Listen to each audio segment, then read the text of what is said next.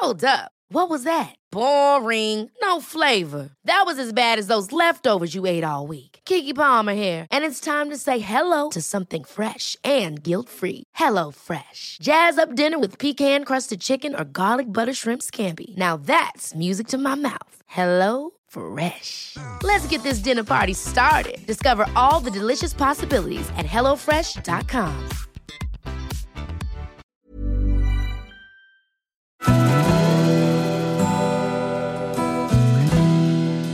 Välkommen till Stora relationsguiden. Podden där parterapeuten Anneli Östling tillsammans med sin sidekick Bella guidar dig genom allt som har med kärlek och relationer att göra. Följt av väl beprövade tips och råd.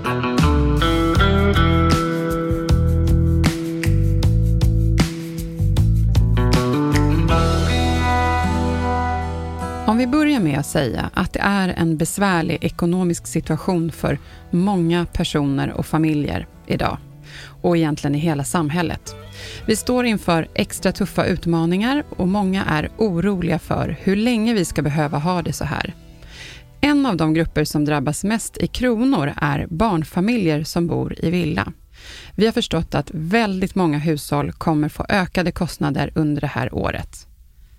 Det här är något som dagens gäst ska få hjälpa att bena ut lite mer kring idag. Och med oss har vi Arturo Arquez, Swedbank och Sparbankernas privatekonom. Varmt välkommen hit. Tack snälla för att jag får komma hit. Ja, Tack. Jätteroligt att du har kommit hit. Ja. Välkommen hit Arturo. Mm. Och vi har ju setts förut för att prata om privatekonomi och nu har den privatekonomiska situationen förändrats och vi är så glada att du tackade ja till att eh, vara med oss här idag för att ge våra lyssnare både information och dina bästa tips och råd i den här situationen. Och jag skulle vilja börja med att fråga, hur har din arbetssituation förändrats och vad är det du får lägga mest tid på just nu? Ja, jag kan väl säga så här att jag brukar jobba mycket. Jag tror aldrig jag jobbat så mycket som jag har eh, gjort senaste halvåret. Det är väldigt högt tryck och eh, förståeligt. Många är oroliga. Vi kan konstatera att inflationen och eh, stigande bolåneräntor gräver djupa hål nu i hushållens plånböcker. Och det är klart att när börsen förra året föll med 25 procent och bostadspriserna med 15 procent så är det inte så konstigt att hushållen deppar och att synen på den egna ekonomin är rekordpessimistisk. Och det är klart att det väcks frågor då. Ja, verkligen. Mm. Ja. Och för att svara på den andra frågan då, Ja. då, vad får jag mest frågor om då? Ja, det är hur ska jag göra för att få min ekonomi att gå ihop? Det är den absolut vanligaste frågan. Och det finns faktiskt saker man kan göra och även om det ser rätt mörkt ut. Och det som gör att eh, många kanske också eh, deppar lite extra är liksom att det här blir ju två år i rad nu Mm. med en försämrad köpkraft. Jag menar, ett år kanske man kan överleva liksom, men två år i rad, det blir väldigt jobbigt. Så att jag är lite bekymrad, men det finns saker man faktiskt kan göra, så allt är inte nattsvart. Nej, Mm. det känns hoppfullt. Och jag Mm. tänker också att vi pratar om privatekonomi idag, men privatekonomin drabbas ju också av att vi tidigare hade en pandemi och många företag har det svårt och då blir det ju naturligtvis också jobbfrågor. Mm. Och, Mm. ja, Vi är ju eh, på väg in i en lågkonjunktur. Sen är ju frågan den hur djup den blir och hur långvarig den blir. Och det är klart att det sämsta som kan hända för oss hushåll, det är ju att arbetslösheten ökar. För så länge vi har jobbet kvar, Mm. då ordnar det sig för de allra, allra flesta. Men det är klart, eh, sätts det igång nu med eh, varsel och mm, uppsägningar och sådana saker. Det är klart att då, då sprider sig den här oron ytterligare och då kommer de som fortfarande har jobbet kvar hålla ännu hårdare i sin plånbok. Och den privata konsumtionen är viktig för samhällsekonomin. Den står för halva tillväxten och halva BNP. Mm. Så att eh, de som blir av med jobbet, det är klart de drabbas hårdast och eh, övriga då som har jobbet kvar, de håller hårdare i plånboken och indirekt påverkar samhällsekonomin negativt. Mm. allting hänger ihop. Allting Allt hänger det ihop. märker man. Ja. Vi brukar kalla det för interdependens. Det är ett finare ord för just Mm. det du sa, att allting hänger ihop. Allting beror på allting annat. Mm. Så att det är väldigt komplext. Mm. Men man kan väl säga det att vi är på väg in i en lågkonjunktur och ingen vet hur djup den kommer bli och hur långvarig den blir. Och då är det bra att tänka efter före, planera sin ekonomi och se till att man har koll. Mm. Ja. Och bakom alla dessa siffror och statistik så är det människor som Mm. också ska Mm. leva och förhoppningsvis kunna må bra. Mm. Mm. Ja, det blir ju otroliga följder, så är det verkligen. Mm. Och under normala förhållanden, Mm. eh, hur behöver man hantera sin ekonomi för att vara förberedd för oförutsedda händelser så här? Mm. Jag skulle säga så här att eh, det absolut viktigaste, det är att eh, ge sig tid. Ägna tid åt sig själv och sin ekonomi. För jag brukar prata om att ekonomi, det handlar om att välja. Och i stort sett ingen eh, har obegränsat med resurser. Det finns några enstaka undantag från den regeln. De allra, allra flesta måste ju då prioritera. Och ska man kunna påverka sin ekonomi, då måste man ha koll. Och det bästa sättet och enklaste sättet att få koll är att göra en budget. Det är därför vi ekonomer tjatar om det. Och den här situationen som har uppstått nu med eh, kraftigt stigande livsmedelspriser, eh, kläder, skor, ja allt har i Mm. princip gått emot hushållen i år. Har man en sund och hållbar ekonomi redan från början och har koll på situationen, behöver man inte uppleva den här stressen som många upplever idag. Sen eh, finns det vissa saker som man inte kan undvika, men alla har vi fått det sämre. Vi har allihopa fått en sämre köpkraft. Vi ska heller inte komma ihåg att fyra av fem hushåll har goda eller mycket goda marginaler. Mm. De som drabbas det är den här femtedelen då som lever med små eller inga marginaler. Och inte alla, men många av dem hade inte behövt hamna i den här situationen om man hade följt eh, våra ekonomiskt tråkiga råd om att eh, gör en budget, många har inte ens en budget, se till också att ha en plan för hur du skapar ett överskott i din ekonomi så att du har det här regelbundna sparandet. För är det någonting man som hushåll behöver prioritera så är det en sparbuffert. Livet består av en massa överraskningar, du kan bli sjuk, Mm. du kan drabbas av skilsmässa, långvarig sjukdom och då är det skönt och bra att ha den här lilla bufferten och då behöver man prioritera den. Så börja alltid med att göra en budget för att få koll. Och idag finns många digitala appar och eh, verktyg på webben som kan hjälpa dig att få Mm. koll. Så att i min värld finns det ingen ursäkt till att inte ha koll på sin ekonomi. Hur, hur vanligt tror du att folk gör det? Är det så här, ja, men vet, vet man det? Ja, men det är Ja, ungefär, det vet man. Ja. Vi gör ju mätningar på det här och sen kan man säga så här då, då den här traditionella budgeten där man sitter ner vid köksbordet med en blyertspenna och papper och skriver ner. Mm. Det är ganska ovanligt idag. Det är Mm. kanske inte mer än kanske en femtedel av hushållen som gör det. Mm. Men idag eh, så finns väldigt många bra appar. Det Mm. många har, en klar majoritet, det är ju såna här appar som Utgiftskollen och allt vad det nu heter, där man Mm. kopplar sitt kort då, då till en app som kollar liksom vart pengarna tar vägen. Mm. För det är många som undrar, vart tog pengarna vägen egentligen? Ja. Och idag är det väldigt lätt att ha koll på det om Ja. man eh, kopplar sitt kort då till olika typer av appar eller webbtjänster. Och att det kategoriseras Och upp, att det kategoriseras, att det här är livsmedel, det här är kläder och skor, det här är Mm. nöjen, det här är resor och så vidare. Då, då. Och det är ett bra sätt att få koll på utgifterna. Så en viss del av, många har en viss del av budgetupplägget. Ja. Mm. Det man kanske inte har i den utsträckning som jag skulle önska, det är att man gör en årsbudget. Ta den här perioden, januari. Mm. Eh, och det är en tung period. Dels är det höga uppvärmningskostnader för många, inte minst för villaägarna. Men det är också en period med vanliga utgifter som rakar i höjden. Vi har haft jul, nyår, förenat oftast då med julklappar, extra mycket mat, kanske resor. Så januari är en väldigt tung månad. Och det är klart att det finns vissa tunga månader. Efter sommaren till exempel också är det många som har det tungt. Och då gäller det att göra en årsbudget så att man ser att okej, okay, inkomsten är ungefär ganska eh, jämna över året, men utgifterna kan variera över tid. Och då Mm. gäller det att få det här överskottet övriga månader, så att det är okej okay att gå underskott Mm. i januari till exempel, Mm. eller i augusti, september, man Mm. kommer tillbaka från semestern. Så att en årsbudget, det skulle jag rekommendera att eh, man gör och Mm. då kan man undvika mycket av de problemen och utmaningar som uppstår idag. Så man skulle behöva intressera sig lite mera för sin egen ekonomi och när man då får mera kunskap och kanske redskap så kan det också bli roligare. Med kunskap så kommer Mm. man extremt långt. Ja. Och nu finns det vissa förbättringar då, då men om man, om man tittar på våra gamla undersökningar, mina företrädare till exempel som har följt hushållens ekonomi sedan 70-talet, då var det väldigt mycket en, en jämställdhetsfråga. Många kvinnor liksom överlät ekonomin till mannen. Mm. Glädjande nog då så är det där på väg bort. Men det är fortfarande många äldre kvinnor som eh, liksom, eh, låter mannen sköta, liksom hålla i plånboken. Det är no-no i min Ja, värld. eh, Mm. Och jag är uppväxt med en Mm. ensamstående mamma med tre barn. Det var ju mamma som bestämde och det var mamma som fostrade oss. Och jag skulle rekommendera alla oberoende av kön att se Mm. till att ha koll på sin ekonomi. Ja. Sen innebär det inte att man ska ha enskild ekonomi. Man kan mycket väl ha gemensam ekonomi Mm. och det har ju de allra flesta som är sammanboende, mer eller mindre i varje fall. Mm. Ja, men, Men det, överlåt inte till någon annan att sköta ekonomin. nej, att det ger ju en mycket skönare känsla i kroppen att veta att jag har koll över mitt liv. Ja.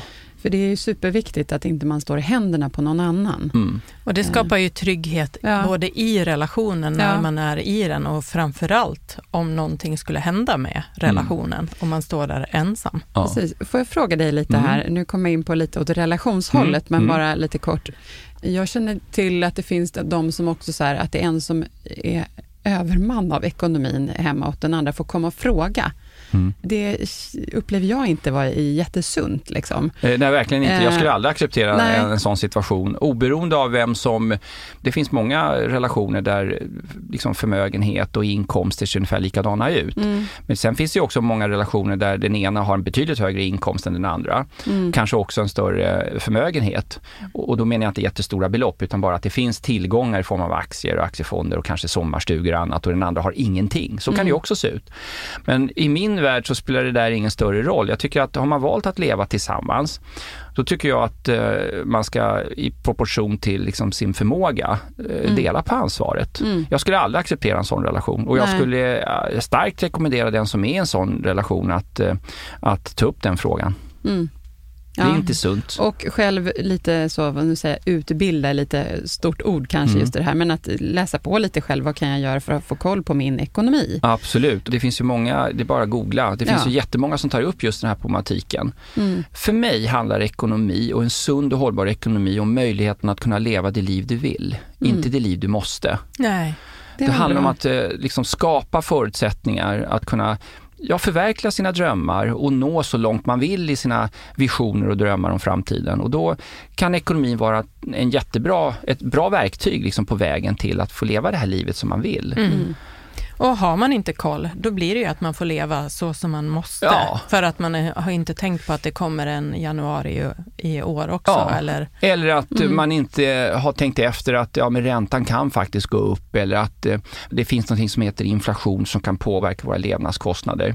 Och när till exempel inflationen stiger så är ju det väldigt sällan isolerat till bara en vara eller tjänst. Mm. Tyvärr så om jag har en liten kort utvikning där, men i början av 2022 så började inflationen gå upp och det var ju framförallt eh, inom energi, alltså olja, gas, då priserna steg kraftigt. Och då var ju faktiskt Riksbankens uppfattning vid det tillfället liksom att nej men det är ingen fara, det kommer falla tillbaka. Det är temporärt. Eh, Det är inte ovanligt med höga energipriser i januari till exempel.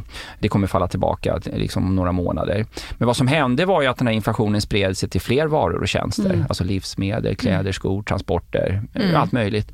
Och det är klart, och det, därför steg inflationen och, och vi kunde också se att den underliggande, eller så kallade kärninflationen steg också. Och ja, resten vet vi, resten är historia. Mm. Så att Mm. eh, det är bra att ha koll på sådana här begrepp och förstå det här att när inflationen stiger, då går inte bara räntekostnaderna upp, utan det är mat, det är kläder, det är skor och det blir en väldig hävstång då. Mm. ja, man Vik- kan ju ja, förlåt. Vikten av att då verkligen skaffa sig en buffert och ha Ja, ett sparande. och också när man gör en buffert, gör en buffert med tre kolumner. En över inkomster och sen två kolumner, många har bara en, men två till kolumner över utgifter. Så en som jag brukar kalla för faktiska levnadskostnader och eh, den tredje då som jag kallar då för nödvändiga levnadskostnader. Och om man tittar på hushållen i Sverige och tittar då, okej, hur ser skillnaden ut mellan faktiska levnadskostnader och nödvändiga levnadskostnader så är den väldigt, väldigt stor för de allra flesta. Vad är då faktiska levnadskostnader? Ja, det är våra verkliga levnadskostnader. Vi går på bio, vi köper inte bara mat, kläder och skor, utan vi går på bio, vi åker på semester. Jättetrevliga saker, men inte livsnödvändiga. Mm. Nödvändiga levnadskostnader är sånt vi absolut måste ha för att kunna överleva. Mm. Och för de allra flesta hushållen så skulle man kunna minska sina faktiska levnadskostnader med mellan 20 och 30 procent. Och har man en god ekonomi så är det inga större problem många gånger att minska dem med 50 procent. Mm, ja, just. Mm. Så att gör en budget med tre kolumner. Eh, inkomster, faktiska levnadskostnader och nödvändiga levnadskostnader. Och rannsaka dig själv. Vad är verkliga nödvändiga levnadskostnader. Och det är inte att gå på Wayne's Coffee eller Starbucks. Det är jättetrevligt. Mm. Nu blir det lite reklam här men det, ja. det var inte meningen. eh, men det är jättetrevligt och jag, ju, jag älskar ju kanelbullar. Mm. Få äter så många kanelbullar som jag varje år. Och, och jag har svårt när man går förbi eh, konditori eller liksom ett fik och känna lukten av eh, nybryggt kaffe och kanelbullar. Det är klart man slinker in ofta, eller i varje fall lite för ofta kanske. Men jag har ju en plan för det där, så att jag vet ju att jag lever inte över mina tillgångar. Jag ser till att liksom ha råd med det och, och dra ner kanske på annat. Du bakar dina egna kanelbullar? Nej, men eh, jag vet en som är väldigt, väldigt duktig. eh, och jag brukar få i julklapp en jättepåse med kanelbullar. Ja. ja. Men du, vad, vad bra det här med såna här riktigt handfasta tips, som nu är verkligen att någon kan ta med sig också mm. direkt mm. efter det här avsnittet och veta, det här ska jag sätta mig ner med och mm. kategorisera upp det på de här tre mm. kolumnerna. Det finns en annan sak som också jag tycker kan vara bra för er lyssnare, och det är att eh, när man eh, tittar på sin ekonomi så är det bra att eh, se till att man inte är så sårbar för förändringar. För jag menar visst, det är svårt för många om man bor i en storstad och skiljer sig att kunna ha råd att bo kvar eftersom bostadspriserna är så höga. Men det finns otroligt mycket man kan göra för att minimera konsekvenserna. Och en bra sak att göra det är att lägga upp liksom en ekonomi som innebär att de nödvändiga levnadskostnaderna inte upptar mer än 50% av dina inkomster alltså mm. din disponibla inkomst, alltså inkomst efter skatt. Mm. Så att liksom har du 20 000 i inkomst efter skatt, eh, försök att se till att dina nödvändiga levnadskostnader är inte mer än 10 000 kronor. Och sen att eh, de här faktiska levnadskostnaderna då inte mer än kanske ja, eller så här ska jag säga, se till att du sparar 20% av inkomsten. Så mm. har du 20 eh, 000 efter skatt, max 10 000 är nödvändiga levnadskostnader och sen tycker jag 20% av de här 20 000 kronorna, eh, vad blir det? Det är 4 000 kronor. Det tycker jag du direkt när lönen kommer ska gå till sparkonto. Mm. Och det är för eh, till sparbufferten, det är kanske till semestern eller vad det nu är för någonting.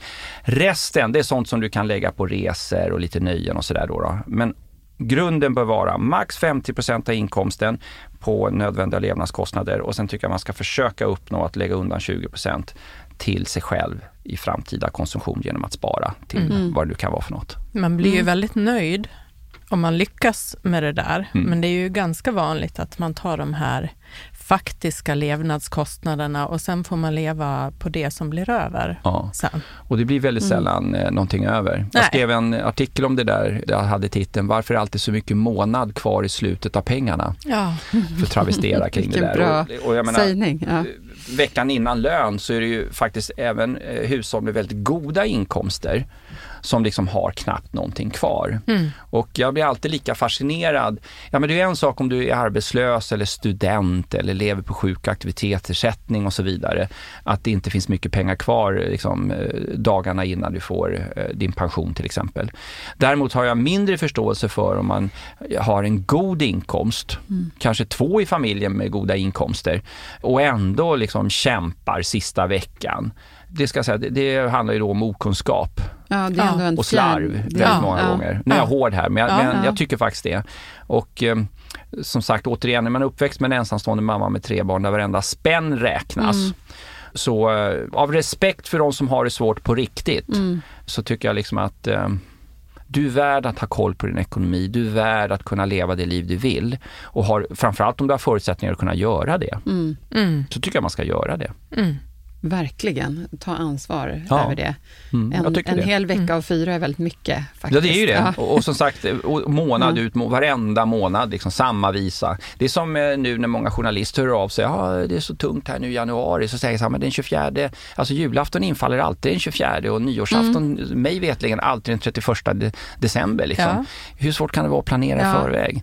Ja. Å andra sidan är jag ju tacksam att de hör av sig, för då får man ju komma ut med sina budskap. Men som sagt, eh, tänk efter före det är mm. viktigt. Mm. Men om man säger nu då, våra lyssnare, mm. det här med, med budget, man kanske har varit mer eller mindre bra på det. Mm. Men vilken är skillnaden nu? Vad är det som har hänt som de som normalt är förberedda inte hade kunnat ana och vara förberedda på? Jag ska säga så här, det som har hänt nu och som kanske skiljer situationen nu från många gånger tidigare, det är att inflationen har stigit mycket snabbare på väldigt kort tid.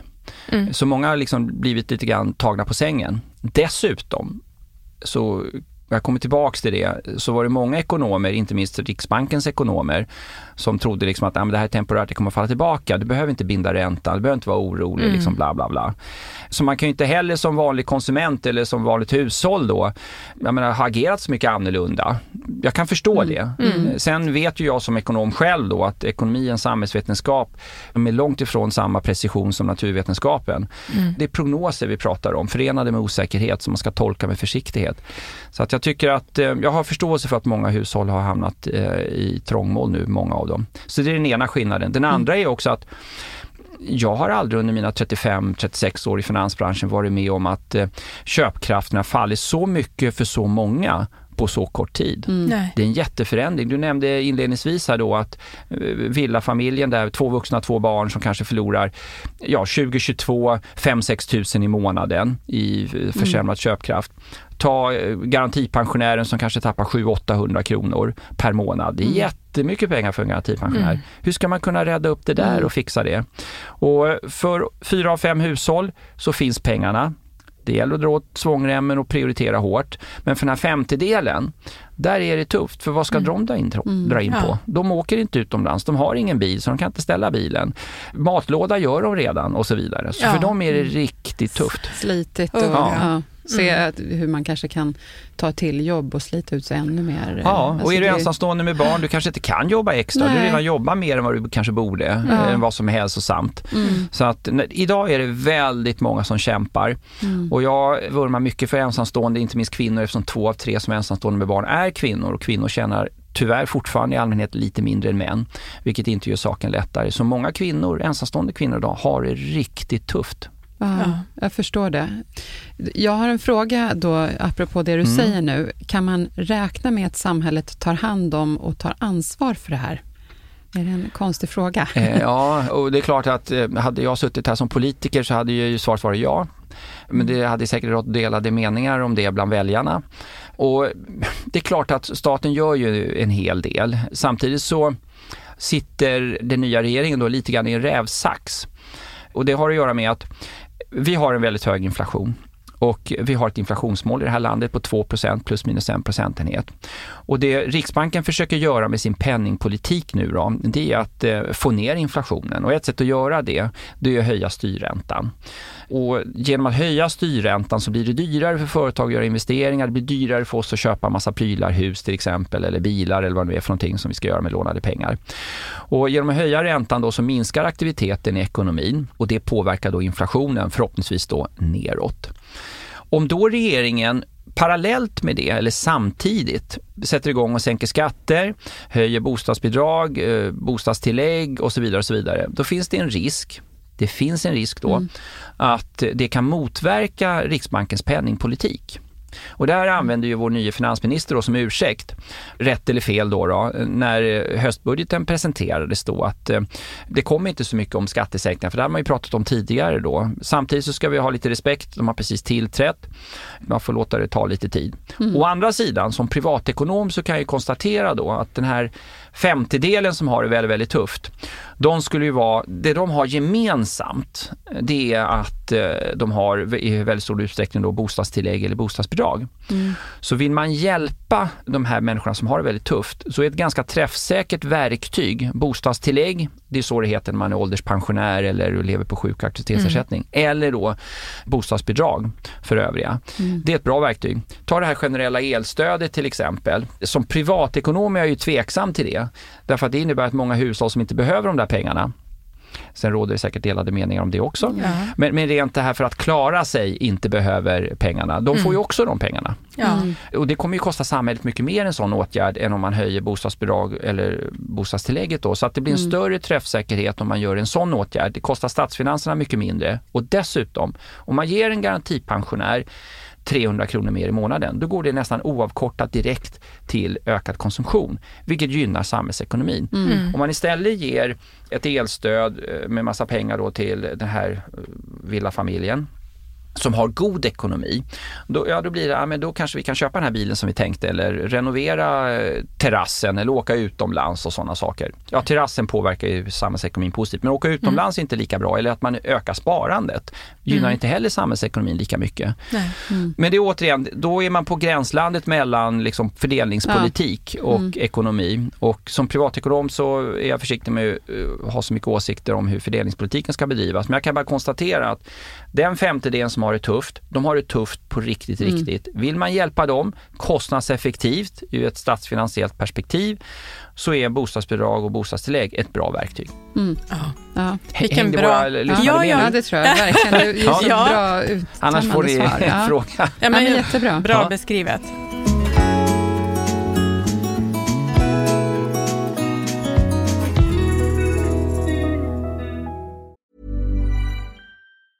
You should celebrate yourself every day, but some days you should celebrate with jewelry. Whether you want to commemorate an unforgettable moment or just bring some added sparkle to your collection, Blue Nile can offer you expert guidance and a wide assortment of jewelry of the highest quality at the best price. Go to BlueNile.com today and experience the ease and convenience of shopping Blue Nile, the original online jeweler since 1999. That's BlueNile.com. BlueNile.com.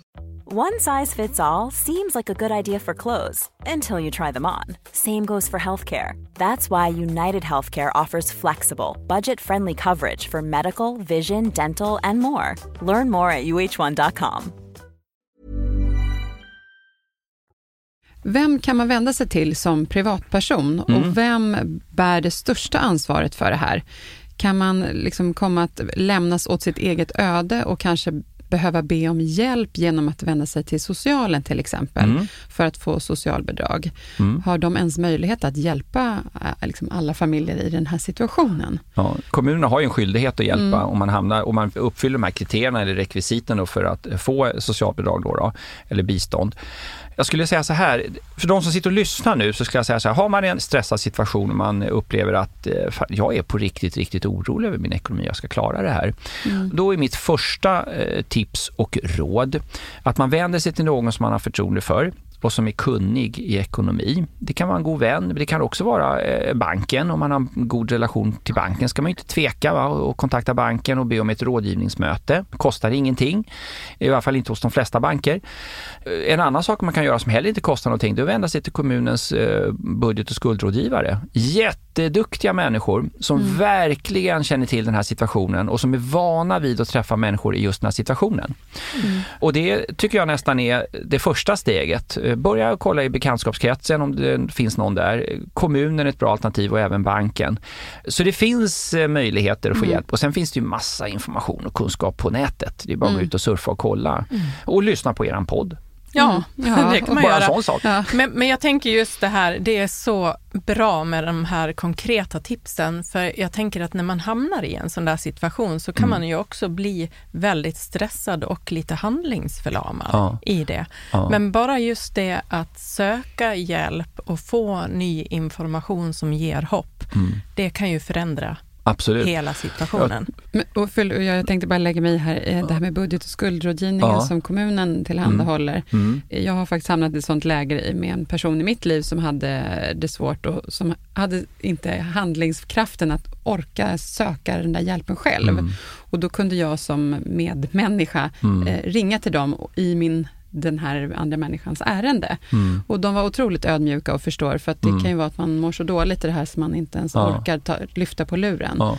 Men de är, är, ju otroligt paradoxen. mänskliga i, ja. och bra i sitt... Och, och, så är det väl egentligen i, när, när, vi människor eh, hamnar i, i eh, problem, mm. att uh, intellektuellt så förstår vi vad vi behöver göra.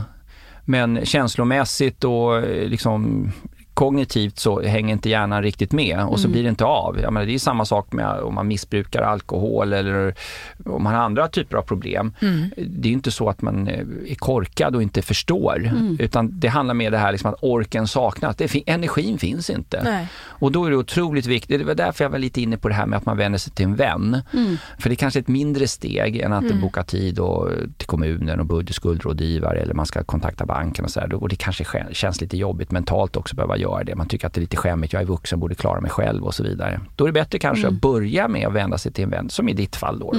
Mm. Så att eh, det steget är inte lika stort. Sen kanske inte alla har samma kunskap som de här budget och skuldrådgivarna på kommunen eller den här banktjänstemannen, men det är ett bra steg på vägen. Mm. Mm. Ja, men verkligen. Och jag tänker att vi har ju, alltså att titta på tv-sändningar, på nyhetssändningar, det, det är krig och det Mm. är eh, Massa elände. massa elände. Ja.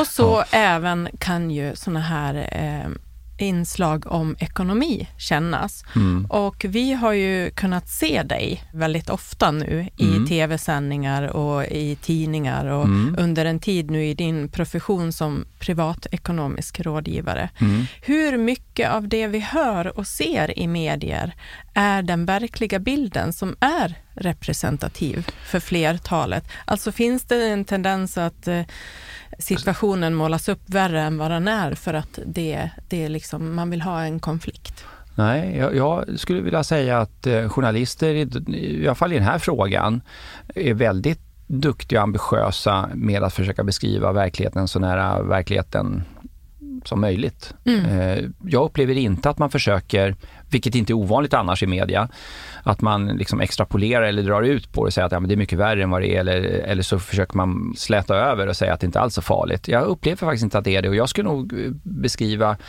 min bedömning är i alla fall att det vi ser och läser i media överensstämmer ganska väl med den målbild jag har över situationen. Vi har fyra femtedelar av hushållen som har goda till mycket goda marginaler. Det är ju positivt, det ska vi inte glömma bort.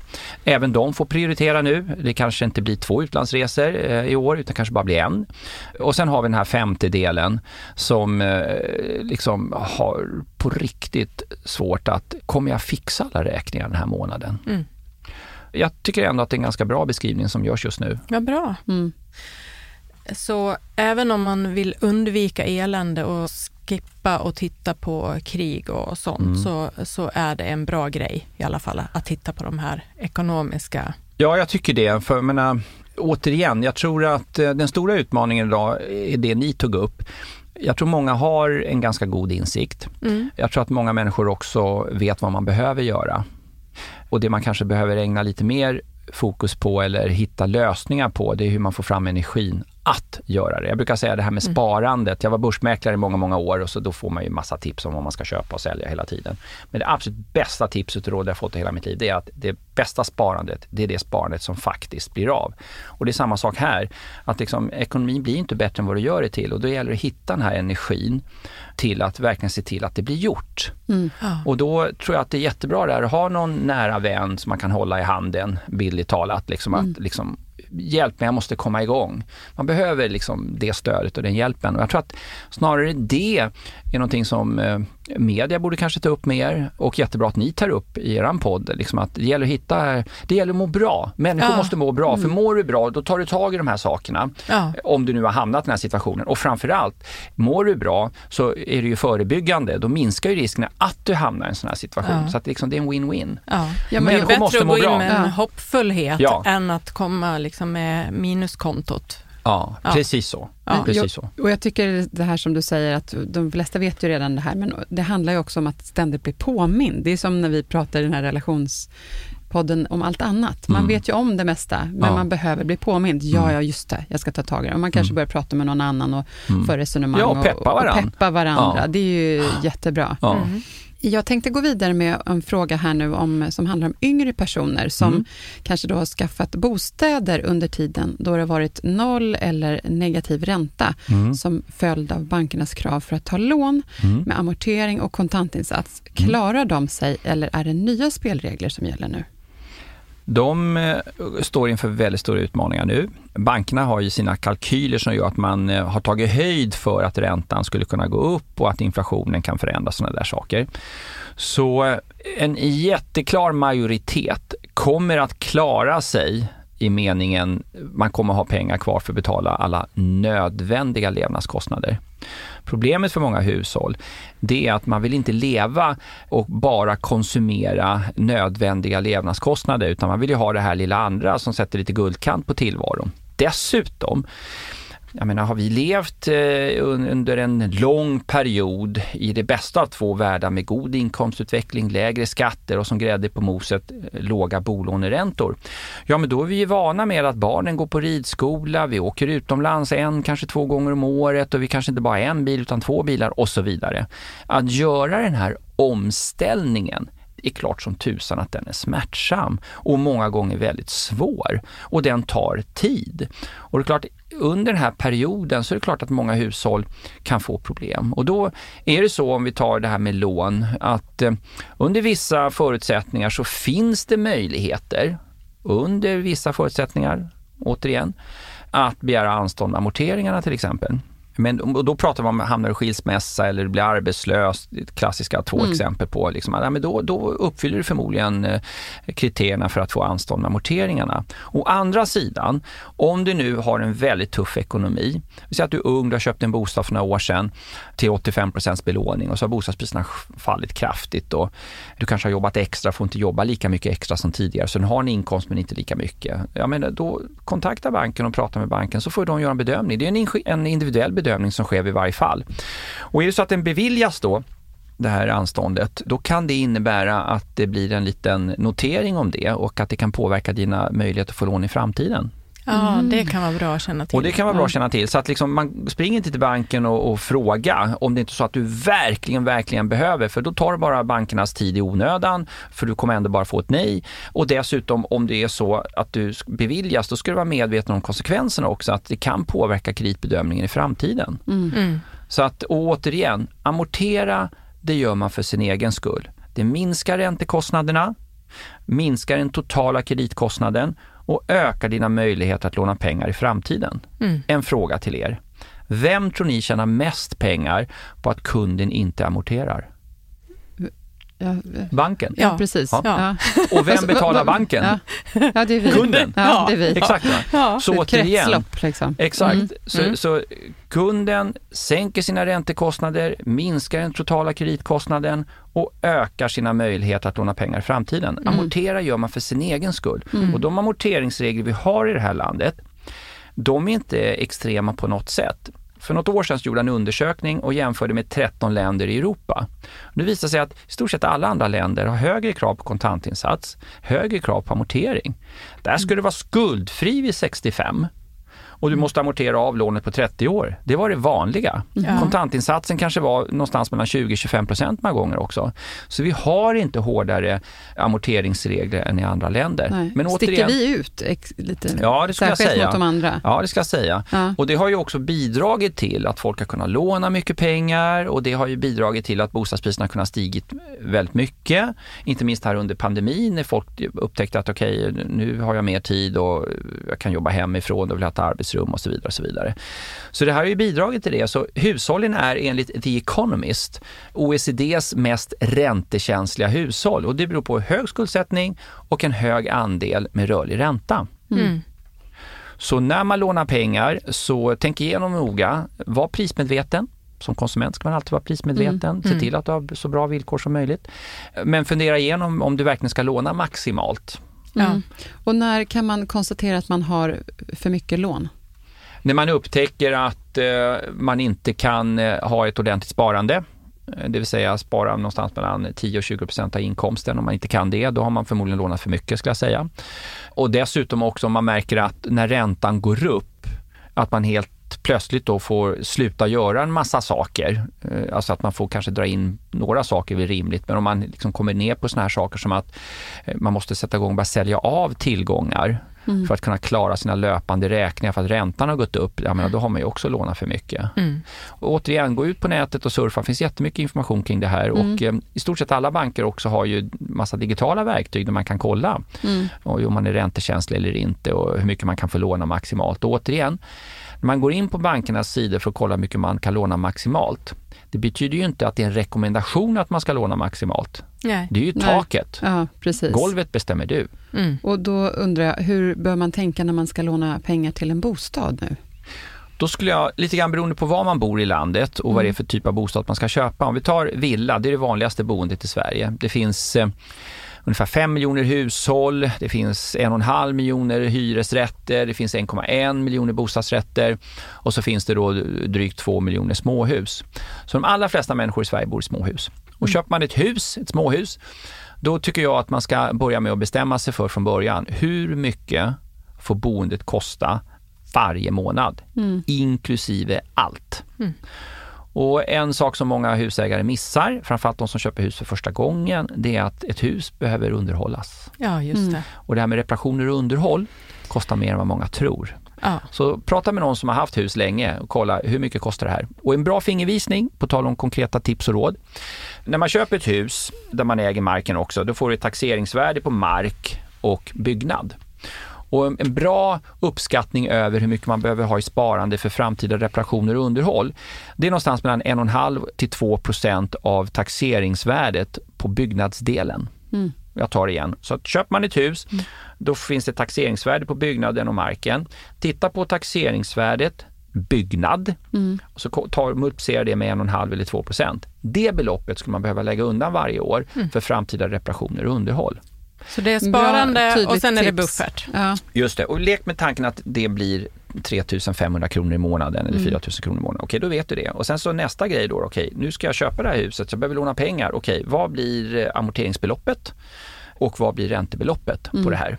Och så lägger du ihop det och så bestämmer man sig från början, nej men boendet får inte kosta mer än 10 000 i månaden eller 12 000 eller 8 000. Och så vet man det, okej okay, då är det bara att räkna baklänges, då kan jag inte låna mer än så här mycket. Mm.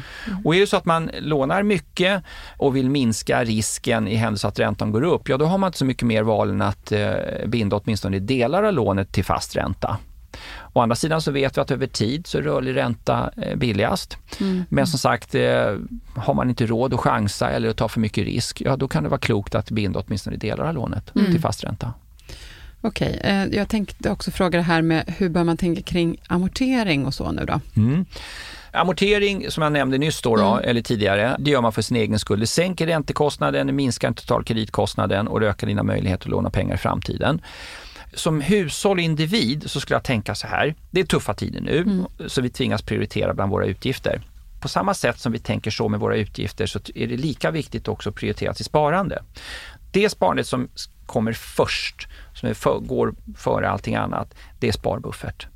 Så har du ingen sparbuffert på, eh, ja, säg två månadslöner då, minst två månadslöner då, prioritera det före amortering. Mm.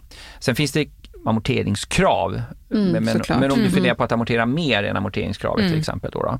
Så eh, nummer ett, det är sparbuffert. Många har en sparbuffert, men å andra sidan då kanske en hög skuldsättning. Och är det så, ja då tycker jag att okej, okay, då har vi uppfyllt kriteriet sparbuffert, men vi har inte uppfyllt liksom, kriteriet schysst skuldsättning. Prioritera då amortering. Mm.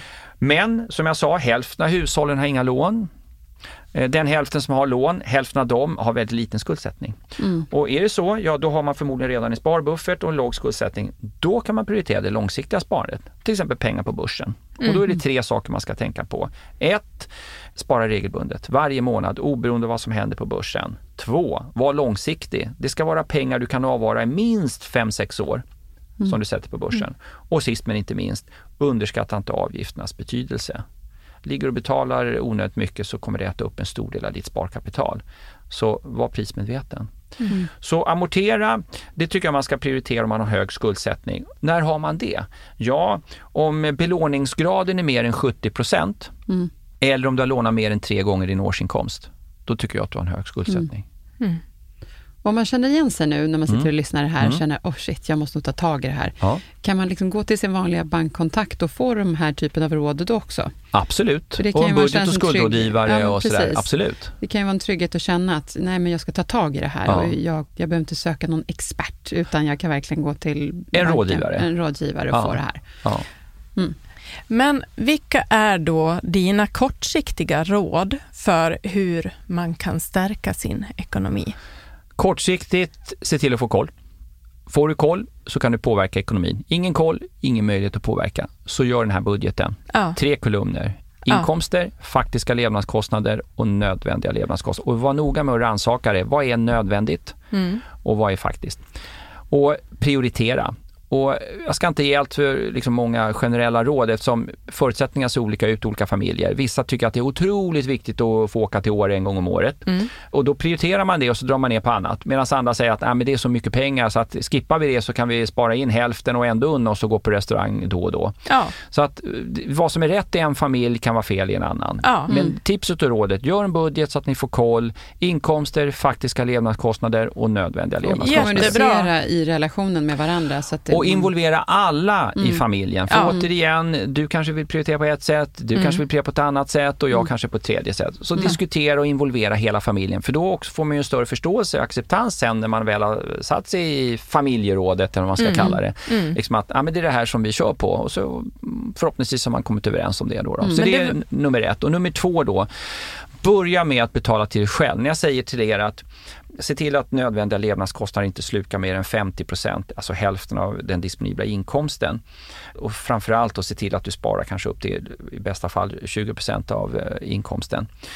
Många gör precis det du tog upp Bella, att eh, nej men, eh, lönen kommer och, och sen så kommer alla räkningar och sen så sparar jag det som blir kvar vid månadens slut. Och det, jag menar, verkligheten är sån att det blir sällan någonting kvar vid månadens slut. Så börja med, så fort lönen kommer in, börja med att ha en stående överföring till ett sparkonto. Ja, precis. Att man tar auto... Så börja, för det är pengar du betalar till dig själv. Det är nästan bättre att ha det autogiro. Man lurar sig bara- själv lite. Ja, fast autogiro har en, en liten nackdel och det är att det dras bara från kontot, du ser inte det. Jag gillar ju e-faktura så att jag får den här fakturan Ja, ja. och sen godkänner den. Det är lite lättare att hålla koll också, Ja. så, för annars bara försvinner det och så undrar man vad var det som hände där. Ja. Men, men absolut, autogiro kan man ha, men en stående överföring, och så börja med att betala till dig själv.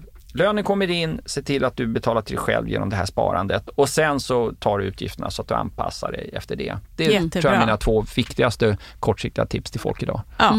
Och långsiktiga råd då? Ja, långsiktigt då, eh, du, man måste ju sätta sig ner och ha en diskussion med sin partner till exempel, eller familjen över hur man vill leva och hur man ska fördela de här eh, inkomsterna över tid. Och eh, det är många som inte gör det, utan det är först när det uppstår en konflikt som man börjar prata om det. Och det är för att undvika de här konflikterna och tjafset som man ska ha en dialog. Och I synnerhet om man är ung och träffas och liksom innan man flyttar ihop, sätt er ner och gå igenom de här grejerna innan så det inte kommer som en sur överraskning sen att man tycker Ja. helt annorlunda. Det är ju inte det mest romantiska, men Nej, men eh, hellre att ta eh, den diskussionen först. Ja, Så kan man ja, ha det det klart, Det är inte romantiskt det första sen. man säger på dejten. Jag vet inte hur dina dejter har sett ut historiskt.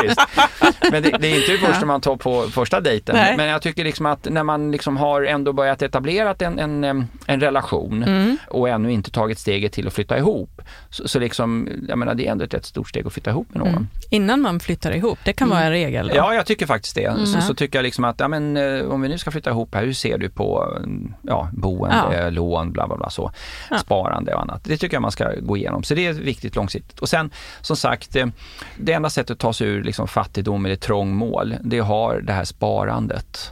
Ja. Det finns inga genvägar. Du måste se till att skapa ett överskott. Ja. Och då gäller det att hålla koll på sina utgifter, ha det här regelbundna sparandet. Och sen fokusera mindre på hur du placerar pengarna, säger jag som gammal börsmäklare. Det viktigaste är att se till att sparandet blir av och att du sparar regelbundet. Ingen vet när börsen vänder, men genom att spara regelbundet och vara långsiktig Mm. så ökar sannolikheten för att du får en positiv avkastning. Ja. Och sen vara prismedveten. Ja. Var ska man börja dra ner då? Hur skulle till exempel en prioriteringslista kunna se ut från en ekonomisk rådgivare? Finns det liksom några särskilda råd runt hur man ska tänka med nöjen och kläder, bil eller statusprylar, kanske mat eller restaurangbesök eller barnens aktiviteter? Hur? Jag skulle tänker. tänka så här, och, Mm. och, och jag tänker ju så här, jag lever ju som jag lär. Och jag skulle säga så här, boendet är den enskilt största utgiften för de flesta hushållen.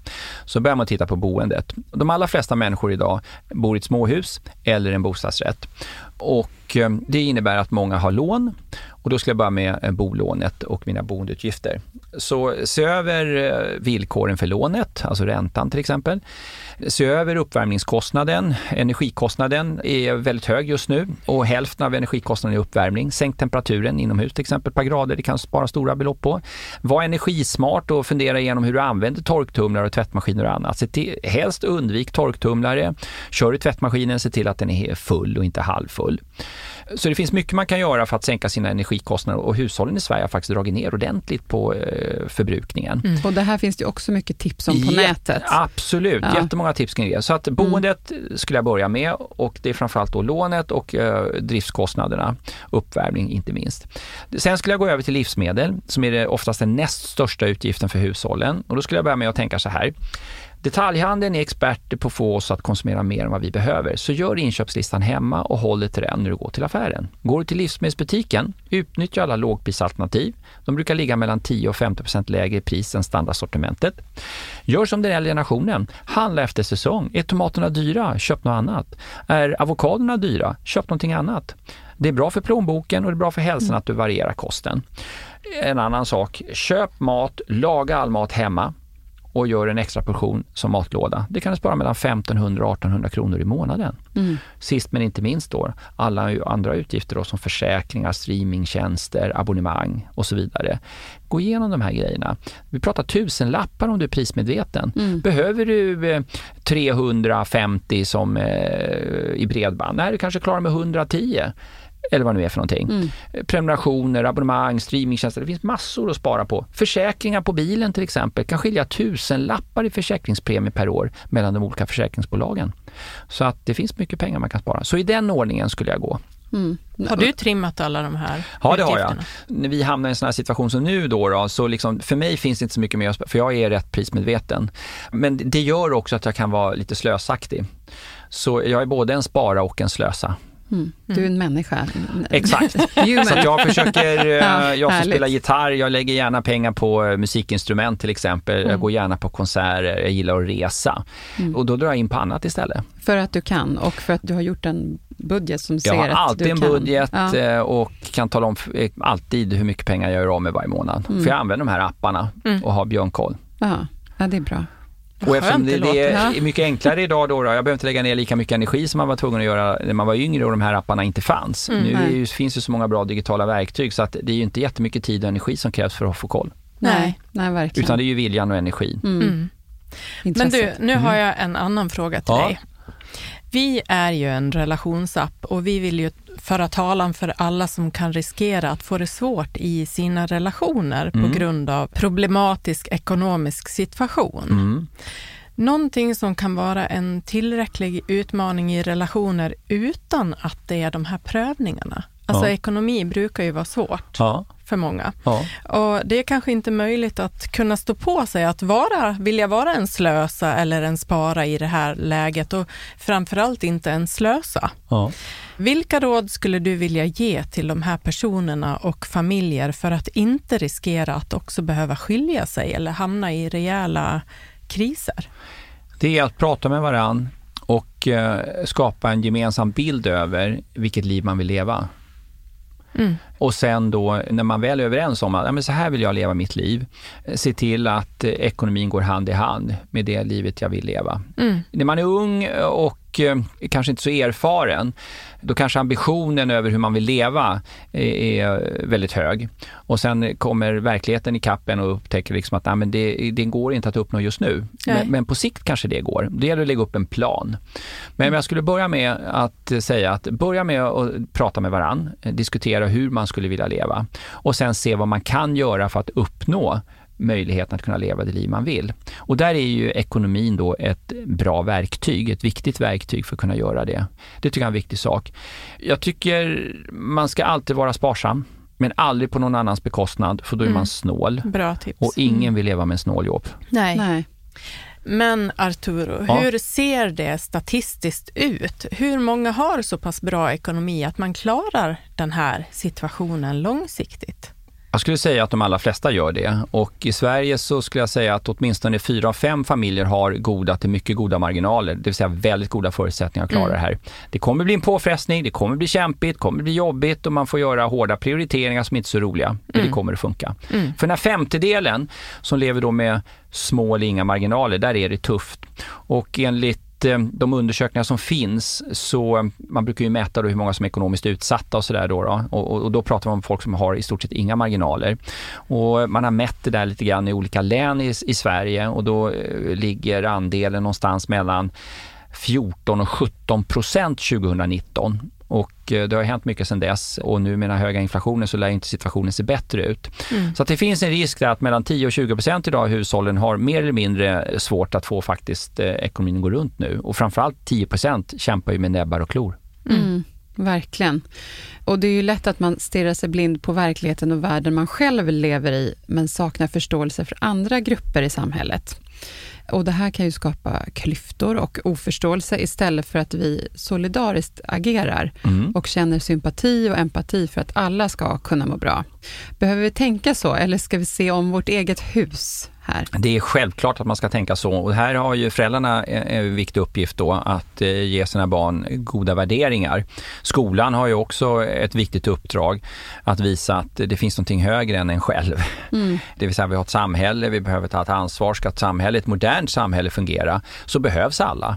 Alla yrkesgrupper behövs, alla människor behövs för att vi ska ha ett fungerande samhälle, i varje fall ett modernt samhälle. Och eh, med sociala skyddsnät, med utbildning, med rättsväsende och allt vad det är.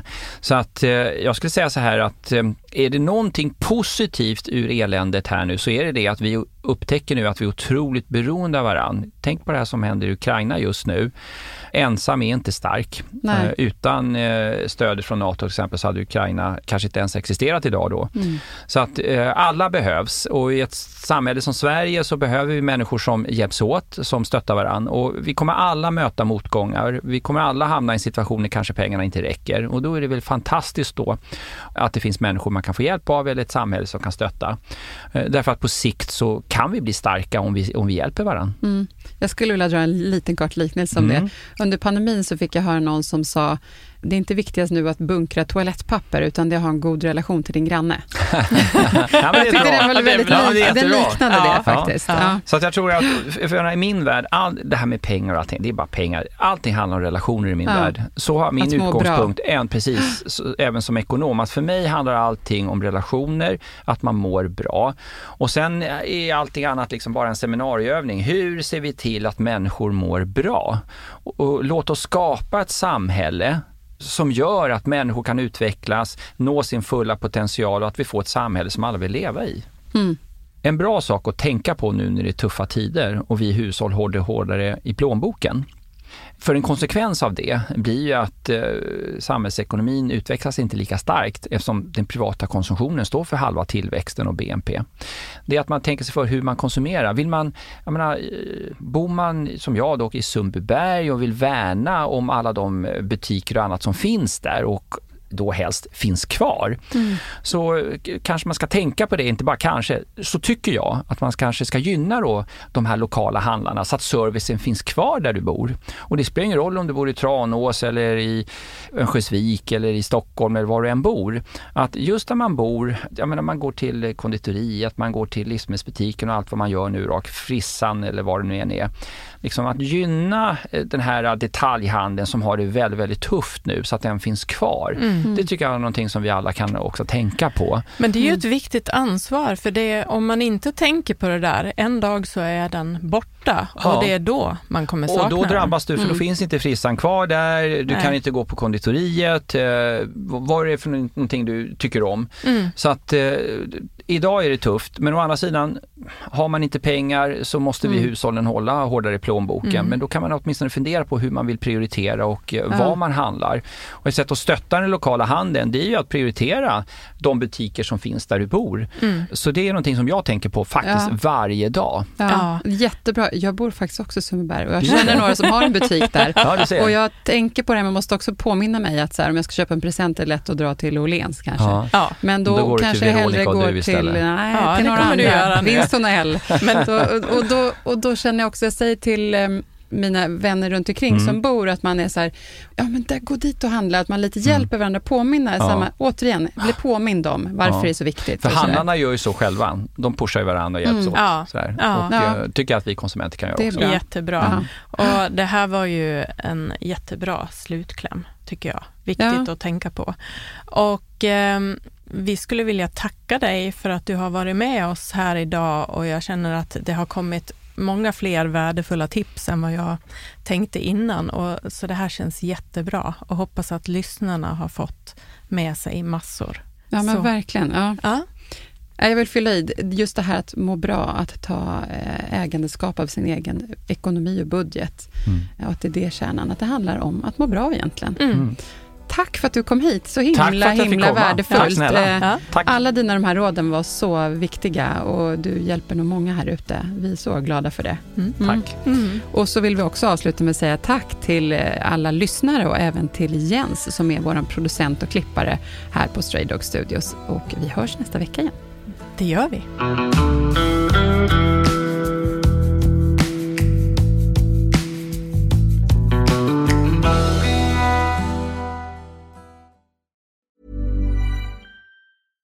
Mom deserves the best, and there's no better place to shop for Mother's Day than Whole Foods Market. They're your destination for unbeatable savings, from premium gifts to show-stopping flowers and irresistible desserts. Start by saving 33% with Prime on all body care and candles. Then get a 15-stem bunch of tulips for just $9.99 each with Prime. Round out Mom's menu with festive rosé, irresistible berry chantilly cake, and more special treats. Come celebrate Mother's Day at Whole Foods Market. Ever catch yourself eating the same flavorless dinner three days in a row? Dreaming of something better? Well, HelloFresh is your guilt-free dream come true, baby. It's me, Gigi Palmer. Let's wake up those taste buds with hot, juicy pecan-crusted chicken or garlic butter shrimp scampi. Mm. Hello Fresh. Stop dreaming of all the delicious possibilities and dig in at HelloFresh.com. Let's get this dinner party started.